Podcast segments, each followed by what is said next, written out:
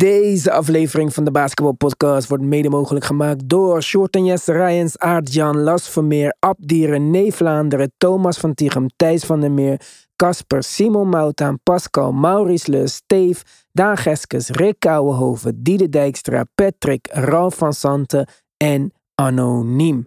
Speciale shout-out naar onze GOATs. Robert Heiltjes, Yannick Tjongajong, Wesley Lenting, Robert Lute, Tarun en Yannick, Samet Kasic en Myron. Guys, we hebben jullie hulp nodig. We willen een big splash maken volgend seizoen. Daarvoor hebben we jullie steun nodig, sowieso om te blijven bestaan. Dus als je kan, ga dan naar petjeaf.com slash de basketbalpodcast of naar de basketbalpodcast.nl en daar kies je luister op Petje Af. Dan kun je lid worden. Daarvoor terug krijg je extra podcast, toegang tot de groupchat. Of je kunt een donatie maken. Help ons, help DBP in de lucht te houden. Support the movement. Join the family. Let's go.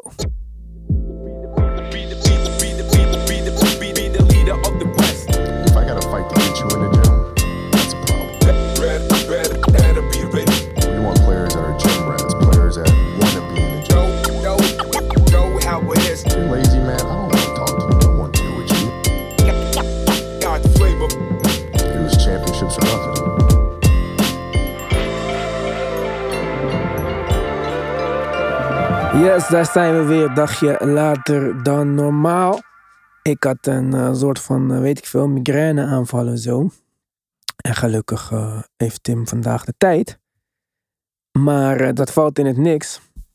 Vergeleken met wat er met Bronny is gebeurd vorige week.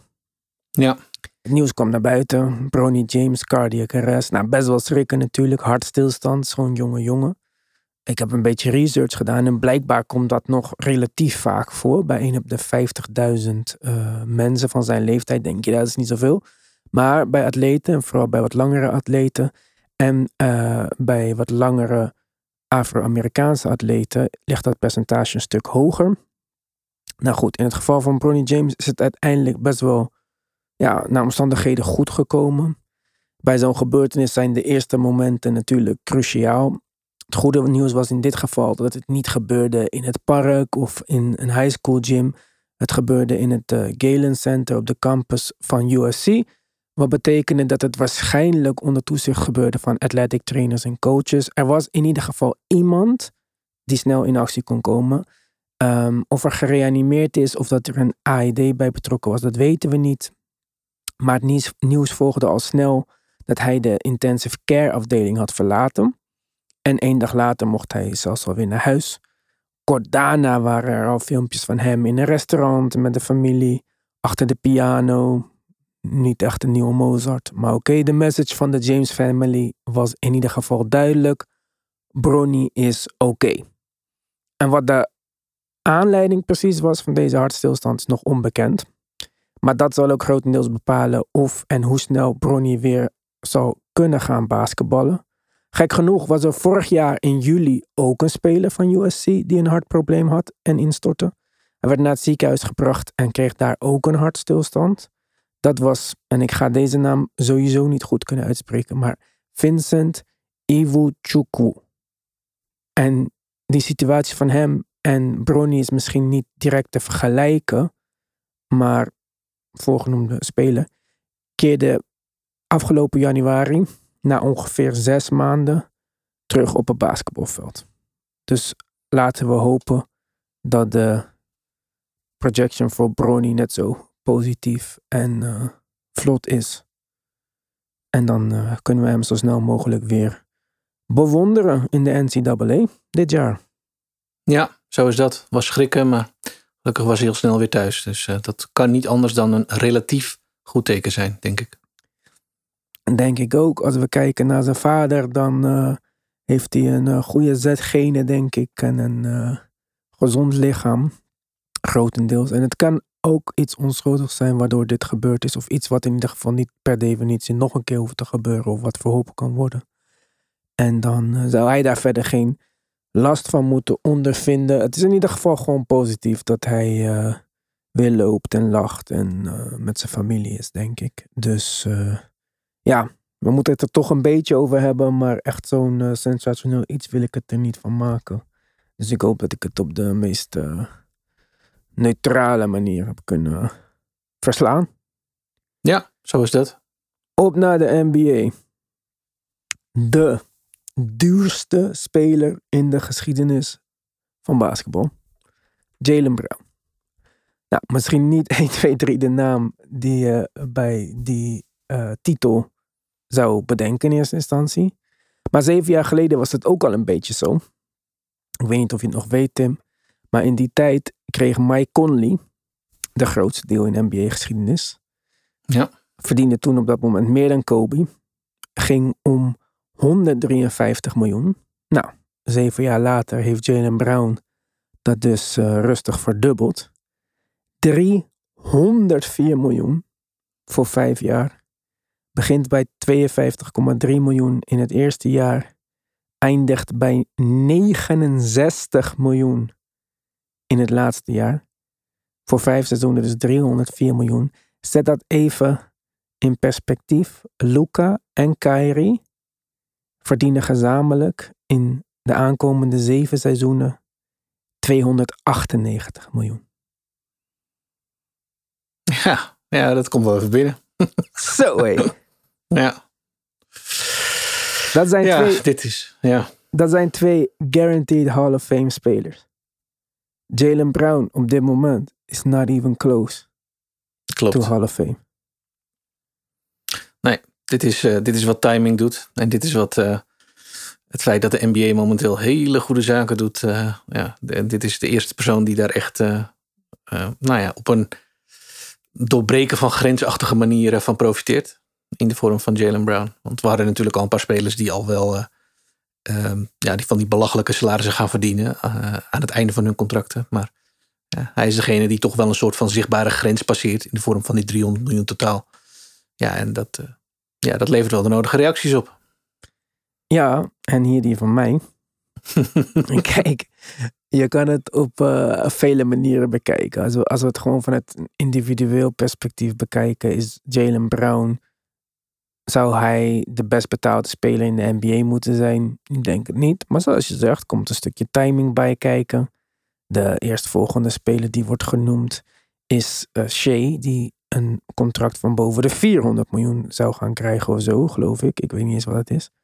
Maar, ehm, of de eerstvolgende speler die 400 miljoen gaat verdienen, zou dan mogelijk Shea zijn. Ja, is hij op dat moment de speler die het meeste geld zou moeten verdienen? Waarschijnlijk ook niet. Maar ik bekijk dingen altijd vanuit een teambuilding perspectief. Zoals je herinnert een paar jaar geleden, op het moment dat er een trade werd gemaakt voor Paul George, eh, gingen er volgens mij vijf picks naar de Thunder. Dan kan je zeggen, het waren vijf picks voor Paul George. Maar het waren niet vijf picks voor Paul George. Het waren vijf picks voor Paul George en Kawhi Leonard.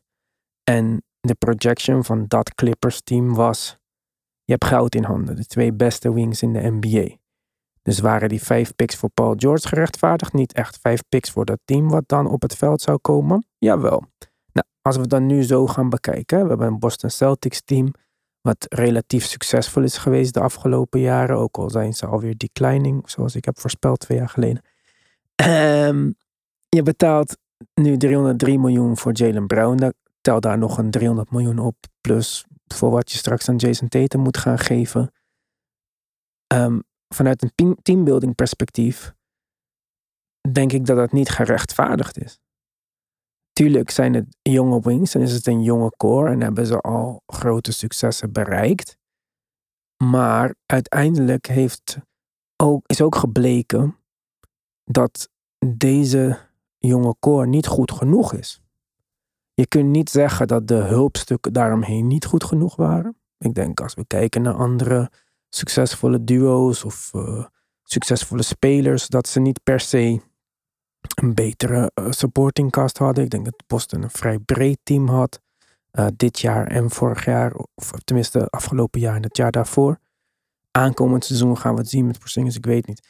Maar dat voor mij ja, verantwoordt niet echt dat je deze twee spelers een max kan geven. En dan kan ik voor de rest niet echt een reden verzinnen waarom je dit ja, zou moeten doen anders dan dat je hem kwijt zou raken. Ik weet niet of er een ander team was die hem na aankomend seizoen een vier jaar max had aangeboden. Vast wel. Als we kijken wat Dylan Brooks en eh, Fred VanVleet dit jaar hebben gekregen. Maar weet niet of ik zoveel geld in hem had geïnvesteerd. Wetende ook dat een trade op dit moment voor hem dan aanzienlijk veel moeilijker wordt. Ik denk dat dit de tijd was geweest om afscheid te nemen van Jalen Brown. Ja. Ehm, het is. ehm, ik, ik zie dat toch echt wel anders. Want ik wil, dan zou mijn eerste reactie zijn als ik je zo hoor. eh, eh, geloof jij dan wel in eh, twee Mac-spelers op een team? Is dat een, is dat een gegeven? Of Ik is dat geloof voor jou ook niet heilig? Mm, niet per se, maar dan zouden het voor mij twee max-spelers moeten zijn. En ik heb dat deze keer niet gezegd, omdat ik het in voorgaande podcast al vaker heb uitgelegd. Maar mocht het de eerste keer zijn dat iemand luistert naar deze podcast, neem niet gelijk afscheid als je een groen hart hebt. Het zijn niet twee spelers die elkaar ultiem aanvullen. Ze maken elkaar niet beter. Ze zijn niet doordat ze samen zijn individueel beter. Ze creëren geen schoten voor elkaar. Het is een beetje omste beurt. En dat maakt het voor mij moeilijk om deze twee spelers een max te geven. Zou ik ehm, Kobe en Shaq een max geven? Ja. Zou ik... Kijk, ik vind Jamal Murray niet per se een max spelen. Ook al was hij fantastisch afgelopen zomer. Maar Jokic en een point guard, shooting guard à la Murray. Als hij zo blijft doorpresteren, dan ja, waarom niet? Paul George en Kawhi mm, hebben het niet laten zien. Dat is een andere reden. Maar ik denk dat er andere duo's te bedenken zijn die samen een max waardig zijn. Maar niet twee spelers die elkaar niet beter maken. En waarvan we al een paar keer hebben gezien dat het niet heeft gewerkt. Ik was degene die steeds zei ze waren te jong. Jij en andere mensen zeiden tegen mij nee, ze hebben al genoeg ervaring. Nou, dan heb ik het nu gezien. Ja, maar dan is het alternatief. eh, je neemt afscheid en dan vraagteken. En ik denk dat eh, deze zomer een zeer moeilijk moment zou zijn geweest om iets wat ook maar in de buurt van equal value zou zijn om terug te kunnen krijgen. Wat je dan, eh, en dat zien we eigenlijk overal gebeuren, wat je dan eh 9 van de 10 keer doet, is je geeft de speler gewoon zijn contract die hij wil. Wetende dat je die ergens op een bepaald moment toch wel kan treden. Want dan heeft hij zijn geld, dan heeft hij zijn contract. Dan is hij waarschijnlijk ook iets makkelijker te treden dan dat het nu het geval zou zijn. Want dan ga je natuurlijk inderdaad als nieuw team moet je meteen weer kijken naar eh, wat kunnen we doen met zijn, eh, met zijn verlenging. Ehm, en dus heb ik zoiets van ja, Celtics hadden zich een beetje in deze situatie gemanoeuvreerd. Ehm, en ja, daar is, daar is dan in dit landschap niet zo heel makkelijk van af te komen. Ehm, ik denk dat het prima te verdedigen is dat Jalen Brown een max-speler is. Ik denk dat het probleem, dat is voor mij in ieder geval het het gegeven. Ik vind het probleem dat hij, hij is geen supermax-speler. Ja, dat komt natuurlijk weer door het feit dat hij al NBA eh, is geworden. En dan, dan komen we denk ik op een heel ander eh, vlak, een heel ander deel van de, van de discussie. Maar als je even kijkt naar wat de Celtics zouden, zouden moeten, ja, dan is het misschien ook wel een beetje bij, ja, eh, we hadden niet veel andere keuze. eh, is, is deze beslissing genomen, denk ik. Want ja, je gaat er, denk ik, per definitie altijd op achteruit als je nu zou gaan kijken naar, we nemen afscheid van deze twee jongens. En als je dat bijvoorbeeld na komend seizoen doet, wat er ook gaat gebeuren, is de situatie in zoverre weer heel anders. Dan, dan heb je veel meer mogelijkheden, denk ik, om, om iets terug te krijgen waarvan je denkt, nou, ja, hier kunnen we mee door. Ja, kijk, daar vind ik dat je zeker een punt hebt. En ook wat je al eerder zei over de spelers die op de markt beschikbaar waren. Ik denk niet dat het flippen van een Jalen Brown voor bijvoorbeeld een Bradley Beal nou een hele goede optie was geweest of zo. Ja, exact. dan- Klopt. Betaal je straks voor een 33-jarige Bradley Beal 57 miljoen. Oké, dat is minder dan 69, maar ook weer niet minder genoeg, zeg maar. Nee, je wordt sowieso een second, eh, second text team dan. Dat, dat, dat gaat sowieso gebeuren. Ja, kijk, eh, en de Devin Bookers en zo, die zijn niet eh, zo makkelijk beschikbaar. Dat zijn dan spelers die ik zou rekenen in het tier ver boven Jalen Ja. Brown of Bradley Beal. Eh, hadden de Boston Celtics iets anders kunnen doen? Ja, ik weet het niet. Ik denk wel dat als ehm, Jalen Brown, kijk, Jalen Brown heeft nu eh, de bag gehad, de, gro- de grootste bag aller tijden. Nou, dan hoop ik dat hij in die bag ook wat handles kan vinden. En dat het ook maar enigszins nog een tradebaar contract wordt. Want Dat zijn, is het gevaar. ja, zijn bag op dit moment is niet die max waard. Ehm, nou, dat is wel een beetje. eh, ja, goed. Dat deel van die hendels, dat is inderdaad. eh, dat is denk ik het belangrijkste. Geen handles, geen elite shooter. Hoe kan jij in een team Maar, ja, maar wel vier keer de conference finals gespeeld. En hij was arguably de beste speler op de Celtics in de finals. één jaar? Ja, oké. Alle Dat- andere keren was Jason Tatum de betere speler. Ja, nou ja, goed. En ik denk ook dat iedereen verwacht dat Jason Tatum straks een supermax verlenging gaat krijgen en nog meer gaat verdienen. Dus, en daar zal dan niemand eh, een probleem mee hebben. Dus de, de- hij is de 1B op dit team, als we het al zo mogen noemen. Laat hem de nummer 2 zijn, prima. Maar dat, dat, dat, hij, ehm, dat hij veel geld gaat verdienen, ja, dat, dat was wat mij betreft eh, geen. ehm, ja, was, stond buiten kijf wat mij betreft. Ik denk alleen de timing is wat dit maakt of breekt. En in dit geval voor veel reacties zorgen in de trant van ja, maar deze man krijgt veel te veel geld. Dit kan toch niet waar zijn. En misschien zelfs ook al op de inhoud zoals jij nu doet van ja, deze, deze combinatie voor de Celtics gaat niet werken. Dan nog denk ik, zonder dat we die discussie helemaal uitboren, dan nog denk ik, ja, de Celtics hadden weinig andere keus dan nu op dit moment dit te doen. Om vervolgens, nou ja, laat het op zijn vroegst volgende zomer eh, conclusies te kunnen trekken en te kijken of ze met dat contract de markt op kunnen. Want ik denk dat er inderdaad, als je kijkt naar de leeftijd en de positie die hij speelt, ja, ik kan me niet voorstellen dat er geen interesse is voor Jalen Brown als hij op de markt zou komen. Dus dat, dat, dat deel komt wel goed, denk ik. Ja, ook nog met dit contract, denk je? In de toekomst wel. Kijk, het ziet er natuurlijk nu, het is natuurlijk nu een hele hoop geld. Eh, zoals ik al zei, dat heeft met timing te maken. Maar eh, over twee jaar is de nieuwe TV-deal eh, daar voor de NBA. En dan zijn dit soort contracten, gaan we steeds vaker zien. Als straks Janis zijn verlenging zou ondertekenen, wat hij misschien gaat doen. Als AD, als, nou ja, we, hebben een hele sloot spelers die binnen nu en bijvoorbeeld volgend jaar verlengingen zouden moeten gaan tekenen. Als ze dat gaan doen, dan gaan we, we gaan meer van dit soort bedragen zien die Supermax verlengingen blijven er komen. Dat Supermax eh, deals, Max deals zijn natuurlijk niks anders dan een percentage van de cap. Zolang die ieder jaar omhoog gaat, wat hij nu doet, is de afgelopen jaren al ieder jaar met 10% gestegen. De verwachting is dat dat volgend jaar weer gebeurt. En dan krijgen we de nieuwe, een nieuwe TV-deal. Nou, dan gaat het alles nog veel, nog veel meer omhoog. Ja, dan betekent het dus dat elke max-deal die er wordt, ge- wordt gemaakt... voor een ofwel dit bedrag, of hoger dan dit bedrag. Ja, dus als we dit, deze discussie over volgend jaar, eh, volgend jaar weer voeren... dan is het contract van Jalen Brown denk ik al niet meer zo bijzonder als dat hij nu is. Daarom is het... Nu valt het op. Volgend jaar is misschien zelfs nog wel wat vroeg... als ik het zo, eh, zo zou stellen als dat ik nu doe. Maar kijk bijvoorbeeld eh, bij de trade deadline die daarna volgt. Of de zomer die daarna volgt. En dan heeft hij nog op dat moment nog drie jaar te gaan. Dus je hebt hem nog voor heel lange periode krijg je hem dan binnen als je ze voor hem zou treden. Maar ik denk dat bij, die tijd zijn de bedragen die we nu zien niet zo bijzonder meer als dat het nu is. Dus ja, ik snap de kritiek. Voor mij is hij ook geen Supermax speler. Dat vind ik, dat is met name voor mij het grootste wat me een beetje tegen de borst stuit. Max, oké. Supermax, nee, hij is geen Supermax speler. Je moet niet, als je al NBA third team zou halen, in theorie, hij, heeft natuurlijk, hij is hoger ge- geweest, moet je niet eligible kunnen worden om een supermax te doen. Dat- is te veel geld. Dat, dat, dat, dat, dan sla- slaan de verhoudingen wat mij betreft een klein beetje door. Maar goed, Celtics hadden weinig andere keus. Dat is mijn conclusie. Ja, kijk, eh, dat is een punt. Ehm, ik denk dan van, kijk, eh, het verhaal wat je zei van eh, je kan gaan kijken de komende jaren en dit en dat.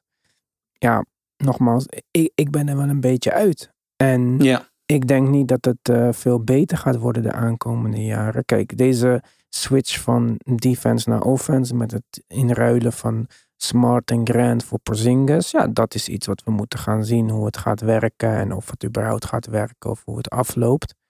Maar als we het hebben over Horford, Brogdon, zelfs Derek White, ja, die zie ik niet per se nog een stap maken. Dus dan denk ik bij mezelf van oké, de, de rek was er al grotendeels uit. De eh, compatibility van deze twee spe- spelers is niet ideaal. Het zijn geen aanvullende op elkaars game spelers. Dus wat zou er dan moeten gebeuren? Dat Mazzola toch een offensive genius is en dat ze met Porzingis die voor het eerst in zijn leven fit gaat blijven. Een offense bedenken die zo gigantisch goed is.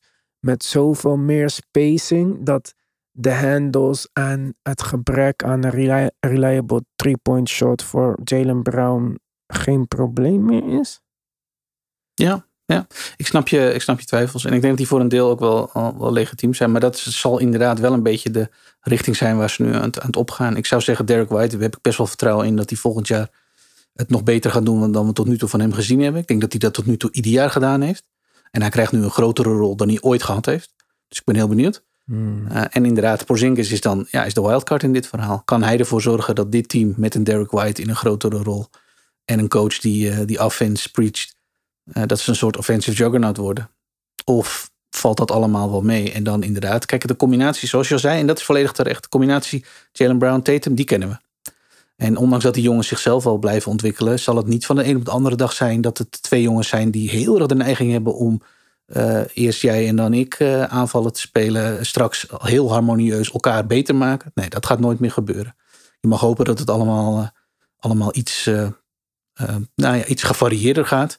Mm. En niet het een ten koste van het ander. Maar het zal nooit veranderen in. Nou, ze complimenteren elkaar fantastisch. Maar laten we dan inderdaad gokken op. Ja, één, de, de, de coach. En twee, inderdaad, die, de spelers die je net al noemde. Want ik denk dat met Porzingis en Derek White heb je de namen te pakken van wie je ja, echt wel een groter aandeel mag verwachten dan je, dan je misschien wel gewend was. Ja. Dat is de positieve spin aan dit verhaal. Dat is waarschijnlijk waar ze op gokken. En ik, ja, ik weet dan niet hoeveel uh, echt vertrouwen ik daarin heb, zeg maar. Ja, ja ik, ik snap die twijfel. Want op basis waarvan? Dat is de vraag. Ik denk Tatum, wat kun je nog meer van Tatum verwachten? Deze jongen scoorde vorig jaar 30 plus punten per wedstrijd. Is altijd je go-to guy geweest. Um, ik zeg niet dat het goed of niet goed is gegaan, maar ja, wat kan hij nog veel meer produceren in een heel seizoen dan hij bijvoorbeeld afgelopen jaren, zelfs het jaar ervoor al gedaan had. Dus ik denk dat dat deel beperkt zal zijn. Ja, kijk, ik denk dat Tatum's grote vooruitgang zal liggen in het, zeg maar, echt maturen, in het een leiding nemen, in het consistent zijn in de playoffs. Um, meer clutch. En dan bedoel ik niet per se het laatste schot in de wedstrijd, maar gewoon het team op sleeptouw nemen als het echt moet, zoals we dat hebben gezien in het verleden bij de Kobe's en de Jordans en zelfs Dwayne Wade in het kampioenschap met de Heat. Dat is wat je van Jason Tatum wil zien. Toch zo bijzonder ja. uh, wordt er gezegd dat hij is. Ja. Dus uh, ja, dat is, dat is wat ik uh, wil zien van Jason Tatum als we het hebben over verbeteringen. gaat hij dat doen? Ja, geen idee. Ik, ik weet dat simpelweg niet. Ik denk dat het nog steeds mogelijk is. Kijk, bij hem zijn het sowieso 100% niet de fysieke tools of zo. Die, die heeft hij zeker. Die heeft hij meer dan wie dan ook. Hij is een bijna 6'10 volgens mij. Wing die verdedigende instincts heeft, die scorende instincts, instincts heeft. Hij heeft een mooie jumper, hij heeft een mid-range game ja, waarom, waarom zou het niet kunnen werken, zou ik denken. Maar. Klopt. Ja, dat, er komt een stukje van iets anders bij kijken. En dat is waar we het dan vaak over hebben. En dat is misschien dat ongrijpbare en dat moeilijk te ja, beoordelen. Het, het mamba mentality gedeelte, het killer instinct, hè, wat ik zei dat hij miste. Gaat hij dat ooit ontwikkelen? Geen idee. Dat, dat kan een schakel zijn voor mij. Die schakel heb ik zien omgaan in Devin Booker, waar ik het daarvoor ook niet van had verwacht. Kan die bij hem ja. ook omgaan? Ja, waarom niet? Hij is ook nog heel ja. erg jong en dat zei ik constant. Van, hij is niet op de leeftijd. Het is vaak niet het fysieke gedeelte wat, wat het verschil maakt. Jordan begon pas te winnen toen hij wat 28 was, 30? Ja, achterin is 20 volgens mij. Ja, ja. Jannes ja. was super vroeg met zijn kampioenschap. Iets tegen de 30. Dirk was wat ouder. Ja, het is, het is nog niet zijn tijd, denk ik. Alleen, dus mijn punt van dat is dat als Jason Tatum nog twee, drie jaar nodig heeft. En dan zit je straks met Tatum en Brown uh, al aan je cap, zo wat. Ja, ik weet niet hoe je er echt onderuit komt. Dan heb je geen Horford meer, want Horford is nu op een 10 jaar, 10 miljoen, twee jaar eh, contract volgens mij. En die is declining. Smart, je andere core piece is weg. Derek White gaat nu starting point guard duties handelen. Laten we kijken hoe dat eh, precies uitpakt. Brogdon zal dan weg zijn ondertussen. Wat is er nog over van Porzingis? Het is een hele situatie voor mij eh, die ik niet kan voorspellen, omdat ik niet zou weten hoe ze met het gebrek aan cap flexibility dan een team om deze twee mensen heen gaan bouwen. Klopt. En Ja. dan kom ik dus weer uit op hetzelfde, maar om het nog een keer samen te vatten. In dat geval, als je twee maxen uitdeelt, zouden het spelers moeten zijn die bij elkaar passen. Heb je een point guard en een center, of een, andere guard en een forward, whatever, zijn er twee spelers die elkaar aanvullen, dan hoef je alleen nog maar op zoek naar spelers die hen weer aanvullen. Maar bij deze twee moet je op zoek naar spelers die sommige dingen gaan compenseren. Ja, dat wordt heel lastig als je geen geld hebt. Absoluut. Ja, dat zal absoluut een uitdaging worden. Dit team is nu gemaakt om, laten we zeggen, in de komende twee jaar te presteren. Als het gaat om niet alleen deze twee jongens, maar ook vooral ook de pieces daaromheen. Ja, En als die twee jaar voorbij zijn, dan hebben ze inderdaad de nodige uitdagingen om weer voor, nou, de, laten we zeggen, de middellange termijn daarna. Want beide, ehm, beide core pieces, Tatum en Brown, liggen dan nog vast. Eh, er weer een nieuw, zoals de Bucks nu eigenlijk met Giannis hebben. Die moeten ook op zoek naar eh, manieren om voor de komende jaren daar weer een team omheen te bouwen. Want de core is in, de, in hun geval aan het, aan het agen. Dus ja, inderdaad. eh, En daar zullen ze geen uitzonderingen in zijn. Maar het, het zijn zeker grote uitdagingen. Absoluut. ja, we gaan het zien. We gaan het zien. Maar eh, jij vindt dus samenvattend, er was geen andere optie. Maar vind je ook, denk jij dat er nog een mogelijkheid is met het team zoals het nu is samengesteld en met deze max-contracten voor deze twee wings om eh, vooruitgang te boeken in de toekomst? Ehm, nou, ik, ik wil die vooruitgang vooral komend seizoen zien. Omdat ik denk dat er wel een ander Celtics team gaat staan dan we gewend waren. En daar ben ik wel heel benieuwd naar. Maar als je zegt, ja, eh, stel dat die vooruitgang er komend seizoen niet echt in zit. Hoe zie je het dan? Nou ja, dan weet ik het even niet. Dan denk ik wel even dat, eh, dat het roer om moet als blijkt dat, dit, dat deze formule niet werkt. Want ja, daar ben je nu wel al in op, zeg maar. Dus ik denk als we een stap mogen zien van de Celtics. Kijkend naar wat ze veranderd hebben. Niet alleen in personeel, maar ook in, in, in coaching strategy. Dan is het komend seizoen. Dan gaan we dat zien. Is dat niet zo? Ja, dan, moet, er- dan moet er meer veranderen bij de Celtics. Want ja, dit is waar je nu op ingezet hebt. Dus ik, ik ben Ja. benieuwd. Ik ook. En ik ben ook benieuwd naar het verschil tussen de regular season en de playoffs. Want ik denk dat Ja. de kans dat ze in het regular season gaan knallen en dat het allemaal super goed werkt, nog best wel aanwezig is. Maar ik denk wel dat er in de playoffs nog meer mist. En dat er mist de game slowdown. Porzingis half-court offense. Ja, mwah. Ja, met je eens. Die uitdagingen zullen vooral daar liggen. En de Celtics zijn, eh, denk ik, eh, net zoals veel andere topteams, eh, worden een team dat moet gaan, eh, rekening moet gaan houden met de playoffs. En, en hun reguliere seizoen daarop moeten gaan aanpassen. Omdat ze toch wel weten dat het goed komt. Anders dan dat ze in het verleden misschien gedaan hebben. Regular season knallen. En in de playoffs dan, ja, ondanks dat ze heel ver zijn gekomen, ja, toch nooit over de hamp zijn geweest. Ja, en ze gaan zeker niet eh, slecht zijn. hè. Dat, dat bedoel ik niet te zeggen. Ik kijk alleen naar wat ze eh, uiteindelijk zullen kunnen halen. Daar moeten ze op beoordeeld worden. Ja, Ja. en dat is eh, waar ik het ook de afgelopen jaren over heb gehad. Maar Ja. goed, ik ben benieuwd wat onze Celtics, eh, in-house Celtics fans ervan vinden. Aart-Jan zal het zeker niet met me eens zijn. Anis, kom met je coaching dingen. Laat het me weten, jongens. Het kan via Twitter, at de basketbal, via Instagram, at de basketbalpodcast. En als je je mening eh, alleen met ons wilt delen en niet met de rest van de wereld, kan je altijd e-mailen naar info.basketbalpodcast.nl. Ja, Tim. Damian Lillard, de volgende favoriete speler van Iwan. Ja, het is toch echt, eh, het begint een groot lijstje zo te worden met spelers eh, die ik niet waardeer en waar de fans van mij dat kwalijk nemen. Maar eh Dame natuurlijk beschikbaar op de trademarkt. Eh, geheel in stijl van deze tijd tekent hij eerst een supermax en vraagt hij daarna om een trade. Ja. Alla, het is de eerste trade. Eh, hij was tot hiervoor loyaal aan Portland. James Harden bijvoorbeeld heeft volgens mij nu vier trades aangevraagd in vijf jaar. Dus misschien moet ik Dame nog het voordeel van de twijfel geven. Ehm, hij maakt al vrij snel kenbaar dat Miami zijn landingsplek zou worden. En sterker nog, zijn agent zou aan andere teams rond de league gaan eh, aan het vertellen zijn. Trade maar niet voor hem, want daar wordt hij niet blij van. Niet direct gezegd dat hij niet gaat spelen of iets in die richting, maar wel van, nou, laat maar. En zoals je weet hebben agents in de NBA toch een grote macht. Het gaat dan niet alleen om de eh, cliënt waar het over gaat, maar ook om de rest van zijn cliënteel. En eh, ja, dus teams luisteren naar dat soort dingen. Nou, NBA heeft daar toch een stokje voor gestoken. Dit is misschien de eerste keer sinds de Chris Paul eh, trade dat ze dat echt eh, laten merken. Nou ja, trouwens, we hadden natuurlijk Bogdanovic naar de Bucks wat niet door is gegaan eh, recentelijk.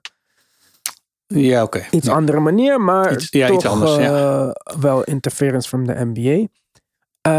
NBA, zo schijnt het, zou er best wel eens een stokje voor kunnen steken als Miami toch de trekker overhaalt. Wat trouwens ook een lastige trekker is. Maar dat zou natuurlijk het, ja, het allergrappigste zijn. Want daarmee snij je jezelf zo in de vingers. Heb je jezelf al zo in de vingers gesneden. Ehm, ze mogen niet meer zeggen dat ze niet naar andere teams willen. En de NBA spoort iedereen aan die geïnteresseerd is in Dame om tot actie over te gaan.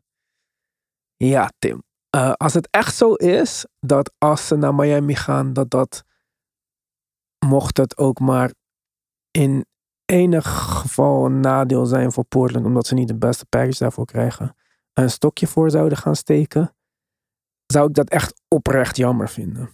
Want ik zie Miami echt als de enige logische fit voor Dame. En ook de beste plek om zijn tekortkomingen te maskeren. En voor hem de grootste kans om te competen in de playoffs.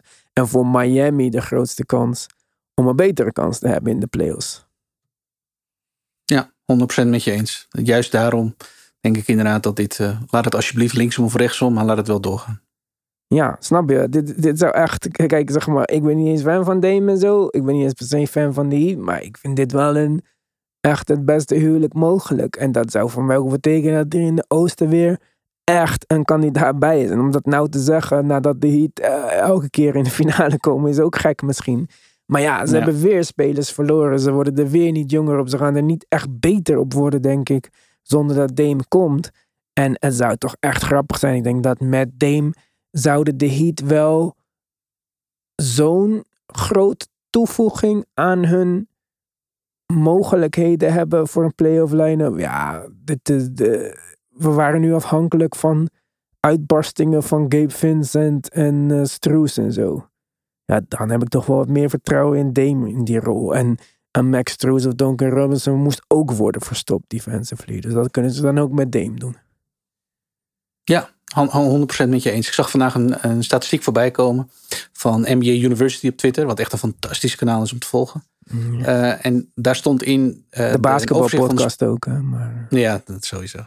Een eh, overzicht van de spelers die afgelopen seizoen het beste gedaan hebben tegen top 10 defenses. Dame stond op nummer 1 wat betreft points per game. Wat dus alleen maar mijn vermoeden versterkt dat op het moment dat de Heat hem zouden kunnen krijgen, dat hij natuurlijk de schakel is of de piece is in de playoffs die het zelf kan doen als de Heat dat nodig hebben. En we hebben gezien dat dat nou juist is wat, ze, wat, ze, wat er vaak aan ontbrak in de playoffs bij ze. Tegen, tegen natuurlijk goede defenses die je op den duur in de playoffs toch gaat tegenkomen. Ja, uh, Ja, kanttekening bij Ja. eh, die stat. Eh, dat zou waar kunnen zijn, dat weet ik niet uit mijn hoofd.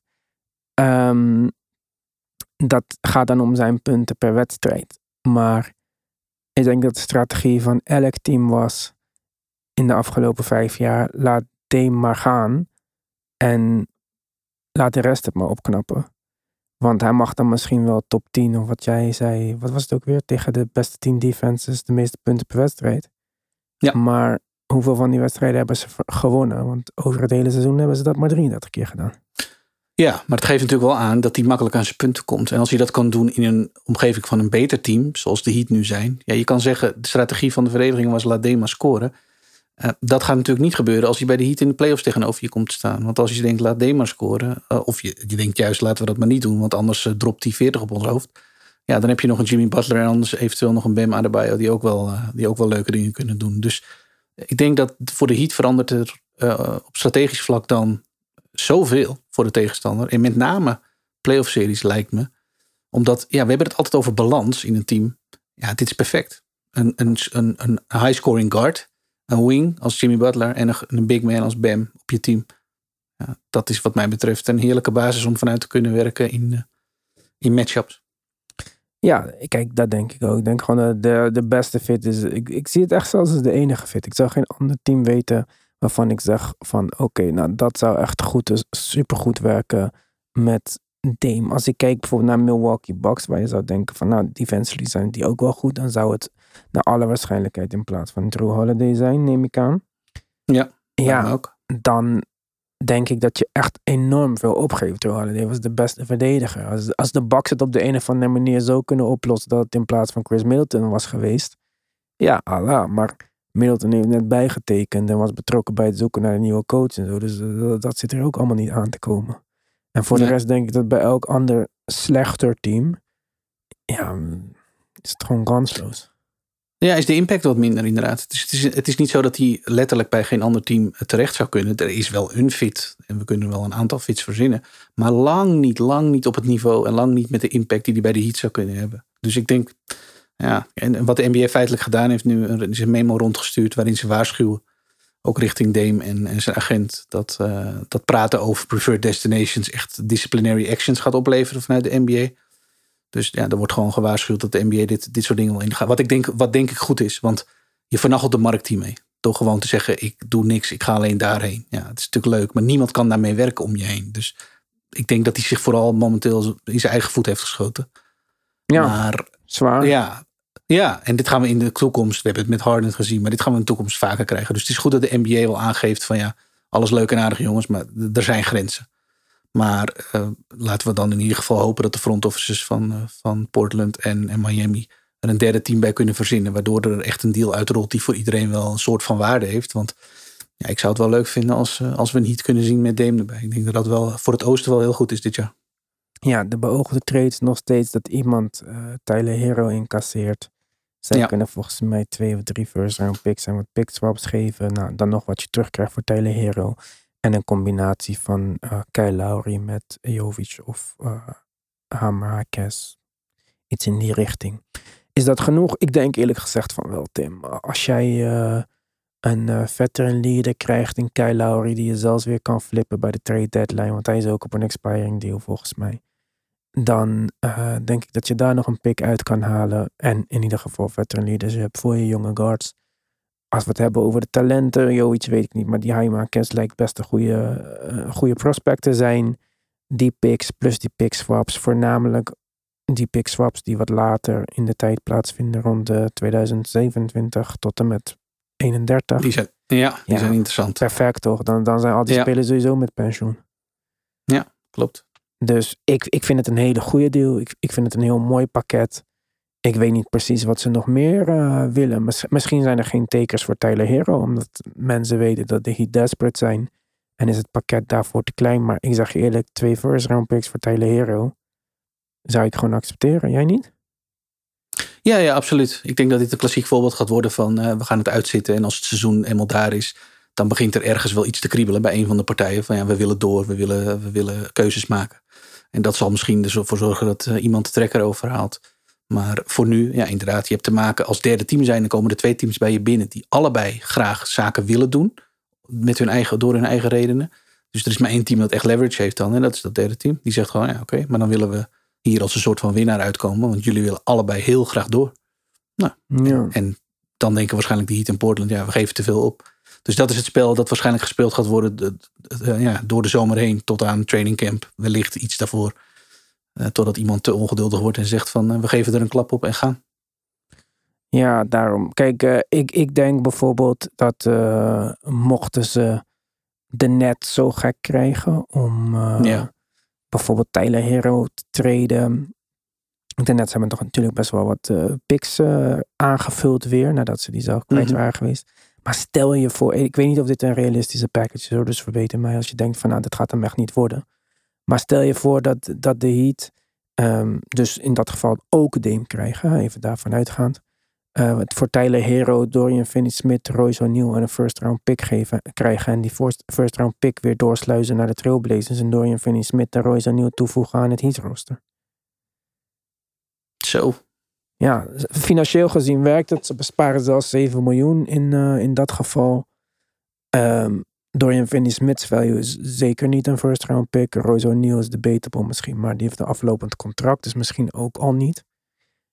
Ja, kijk, eh, het is jammer dat je picks terug moet krijgen om Dame te halen. Anders zou ik die deal zonder picks accepteren om het rooster eh, beter te maken. Maar Bam, Dorian Finney-Smith, Royce O'Neal, eh, Martin, Jimmy, Dame.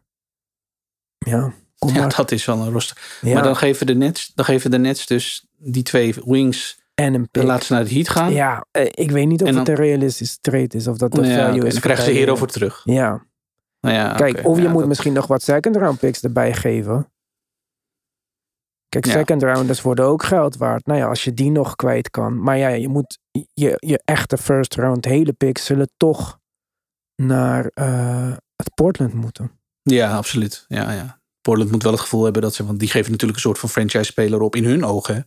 Ja, Kijk, dit is het probleem, dit is de essentie van het probleem. Als je het gaat treden van eh, spelers gaat treden die voor jouw organisatie heel veel betekend hebben, dan is natuurlijk de waarde voor jou heel hoog. Maar voor de rest van de league is, ligt die een stuk lager. En dat is wat je nu ziet. Miami zegt, ja, Ja. we zouden het leuk vinden om hem erbij te halen, maar we gaan niet de hele toekomst overhoop gooien om Dame eh, er voor nou één, twee goede jaren nog bij te halen.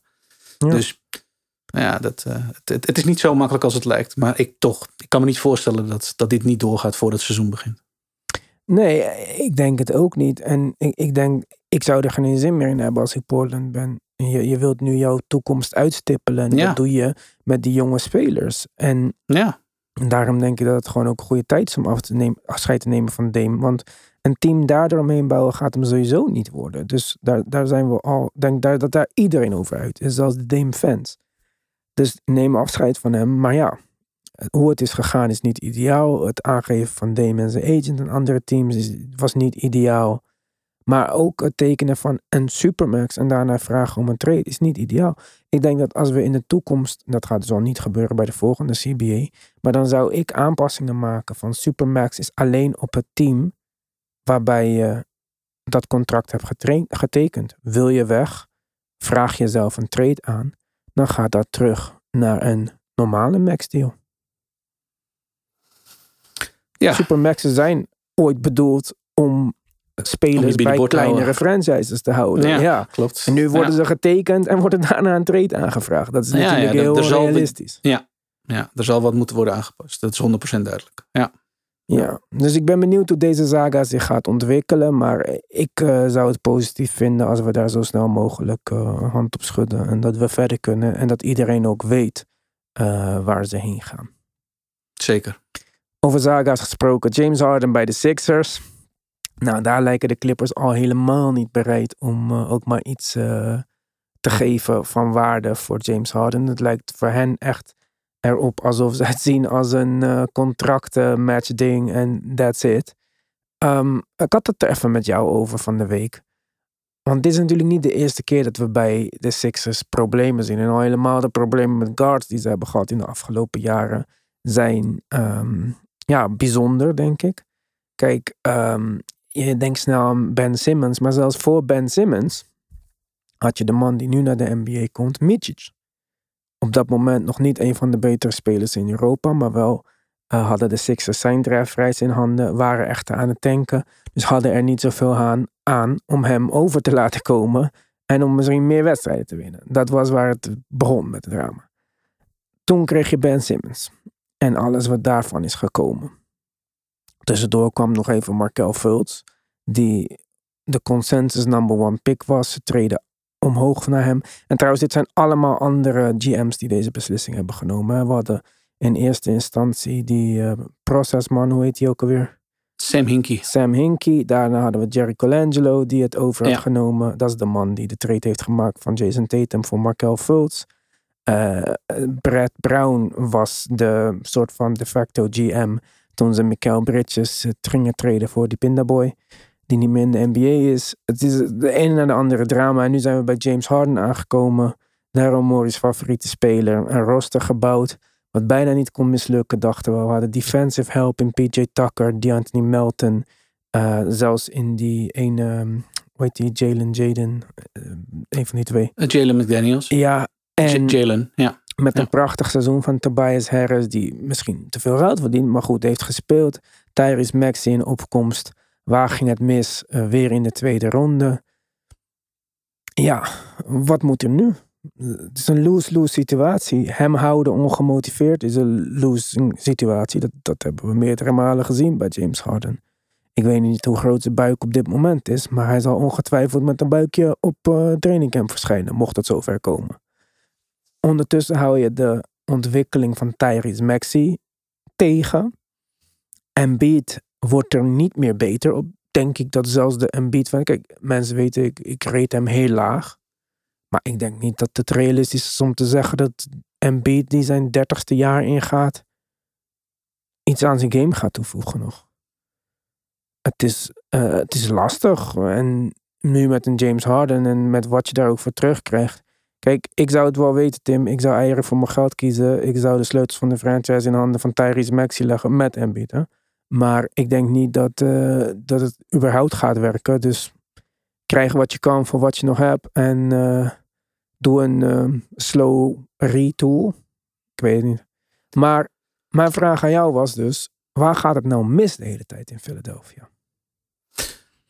Ja, en dat is een moeilijke vraag. Want eh, hoeveel ik er ook over heb nagedacht, ik kan geen gemene deler ontdekken. Zoals je al zei, dat is een belangrijk gegeven. Dit waren natuurlijk verschillende front offices die we in de tijd hebben meegemaakt ten opzichte van, eh, van nu.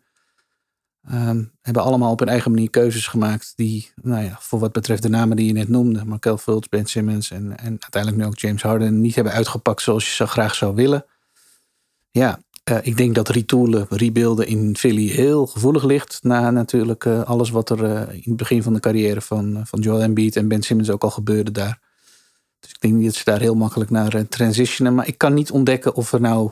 Is het het scoutingapparaat in Philly dat, nou ja, een verkeerde strategie nastreeft? Eh, zijn het, is het het toeval geweest van eerder, inderdaad in eerste instantie Colangelo... eh, met eh, inderdaad daarvoor Sam Hinkie.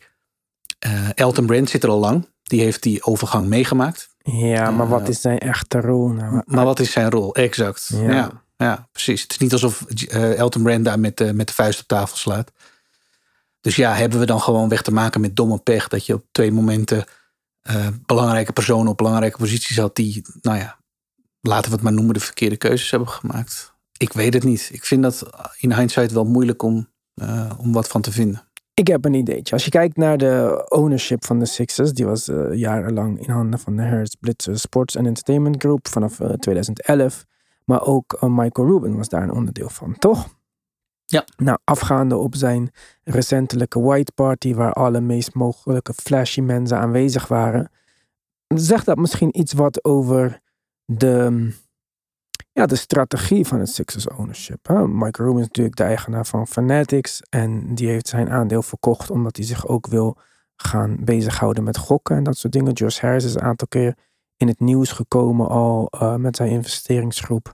Het zijn ja, flashy big money makers. Eh, het is altijd een spelletje van wie heeft de grootste.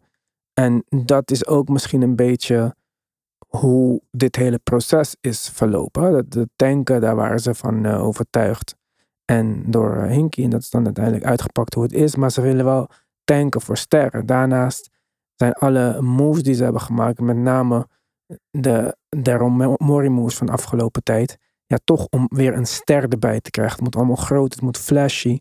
En dat heeft ze nu een beetje in de vingers gesneden. Want de ultieme move die ze hebben gemaakt om James Harden te krijgen en PJ Tucker en al die mensen, heeft ze hun hele schatkist aan future assets gekost. Ze hebben bijna geen jong talent meer over op het team. Zelfs die Markel Fultz trade toen voor Jonathan Simmons heeft ze gewoon niks opgeleverd. Terwijl ze daar wel Jason Tatum voor hebben opgegeven. Uh, Ja. Constant maar op jacht naar die grote naam, die grote ster. Het sterren together teambuilding principe, wat dus heel vaak niet heeft gewerkt. Ja, misschien is dat eh, dan de gemeen, eh, gemeenschappelijke factor in al deze beslissingen. Ownership.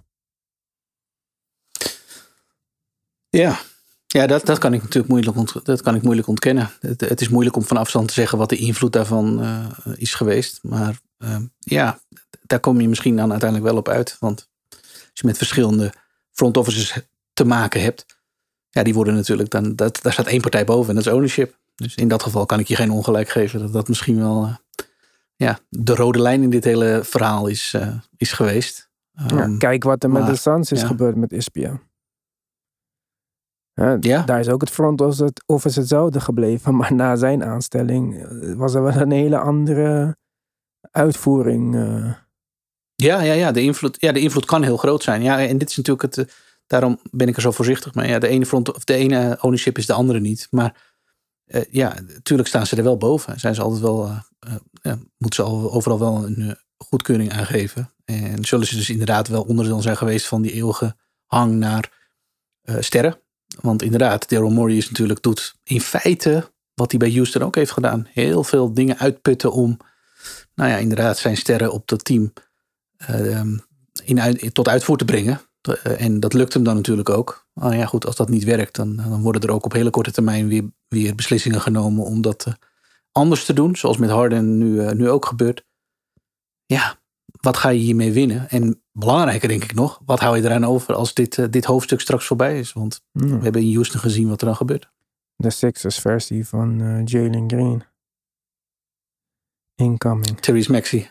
Ja, of een nieuwe speler. Uh, van, een nieuwe, ja oké. Okay. Ik hoop het voor Philly toch echt niet. Maar ja, op dit moment ziet, het er, ziet het er niet goed uit. Want ik weet niet hoe hun seizoen ik bedoel, hoe ga je nu beginnen?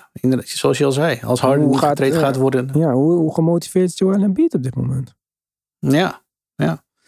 En dat is natuurlijk, uh, dat maakt of breekt het hele verhaal. Ik bedoel, zo reëel moet je wel zijn, wat je ook van Embiid vindt. Is de, dit is de ster op je team. En die moet je wel eh, tevreden houden. En het is wel een man met een mening. Het is wel een man die je moet, waar, waarmee je in gesprek moet blijven. Het is niet iemand die zegt van, jongens, jullie doen maar daar in het front office. Ik speel me, ik, ik, speel, ik geef alles of niks op het veld. Nee, deze man heeft ook ideeën, heeft een mening.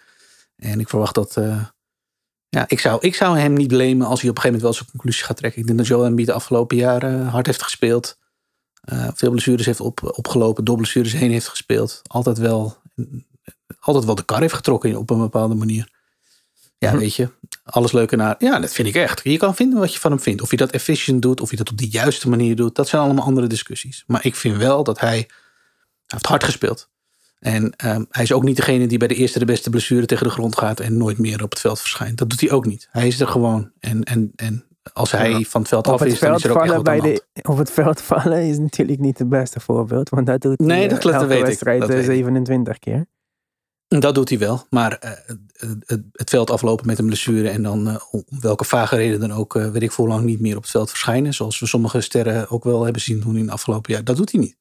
Nee. Daar kan ik hem in ieder geval niet, uh, niet op betrappen. Dus in dat licht bezien denk ik wel dat het. Ja, ik denk dat zijn geduld momenteel redelijk getest wordt. En dat als er geen oplossing komt voor het hoofdstuk Harden aan het begin van dit seizoen. Ik weet niet hoe lang het kan duren voordat Joel zegt: alles leuk en aardig, jongens. Maar ik zou niet weten waar we naartoe gaan. Ja, ik denk dat we dat uh, mogelijk ook nog wel eerder gaan krijgen dan verwacht. Ik, uh, ik denk ook niet dat een trade van Embiid momenteel heel erg uh, buiten de lijn der verwachtingen gaat liggen. Nee, nee, het wordt vaker genoemd. De, de, de, iedereen zegt dat er niks, uh, bij de niks de radar, uh, de radar in aanstaan. De radars momenteel volle toeren draaien. Ja, dat, dat, hoewel het misschien wat ver gezocht is momenteel, is komt het natuurlijk niet uit het niks, dat soort geruchten. Ja, ik, uh, ik, ik, steek dagelijks kaarsjes aan, omdat uh, dat doen we echt niet. Maar uh, goed, ja, het is wat het is. voor deze normale uitzending is het ook wat het is. Um, wij gaan misschien nog even verder op Petje Af. Er komen in ieder geval een aantal leuke Petje Af afleveringen aan deze week. Want ik zie jou woensdag sowieso, Tim. Ja. voor de rest, hou onze kanaal in de gaten. Er komen allemaal leuke dingen aan. Tot snel.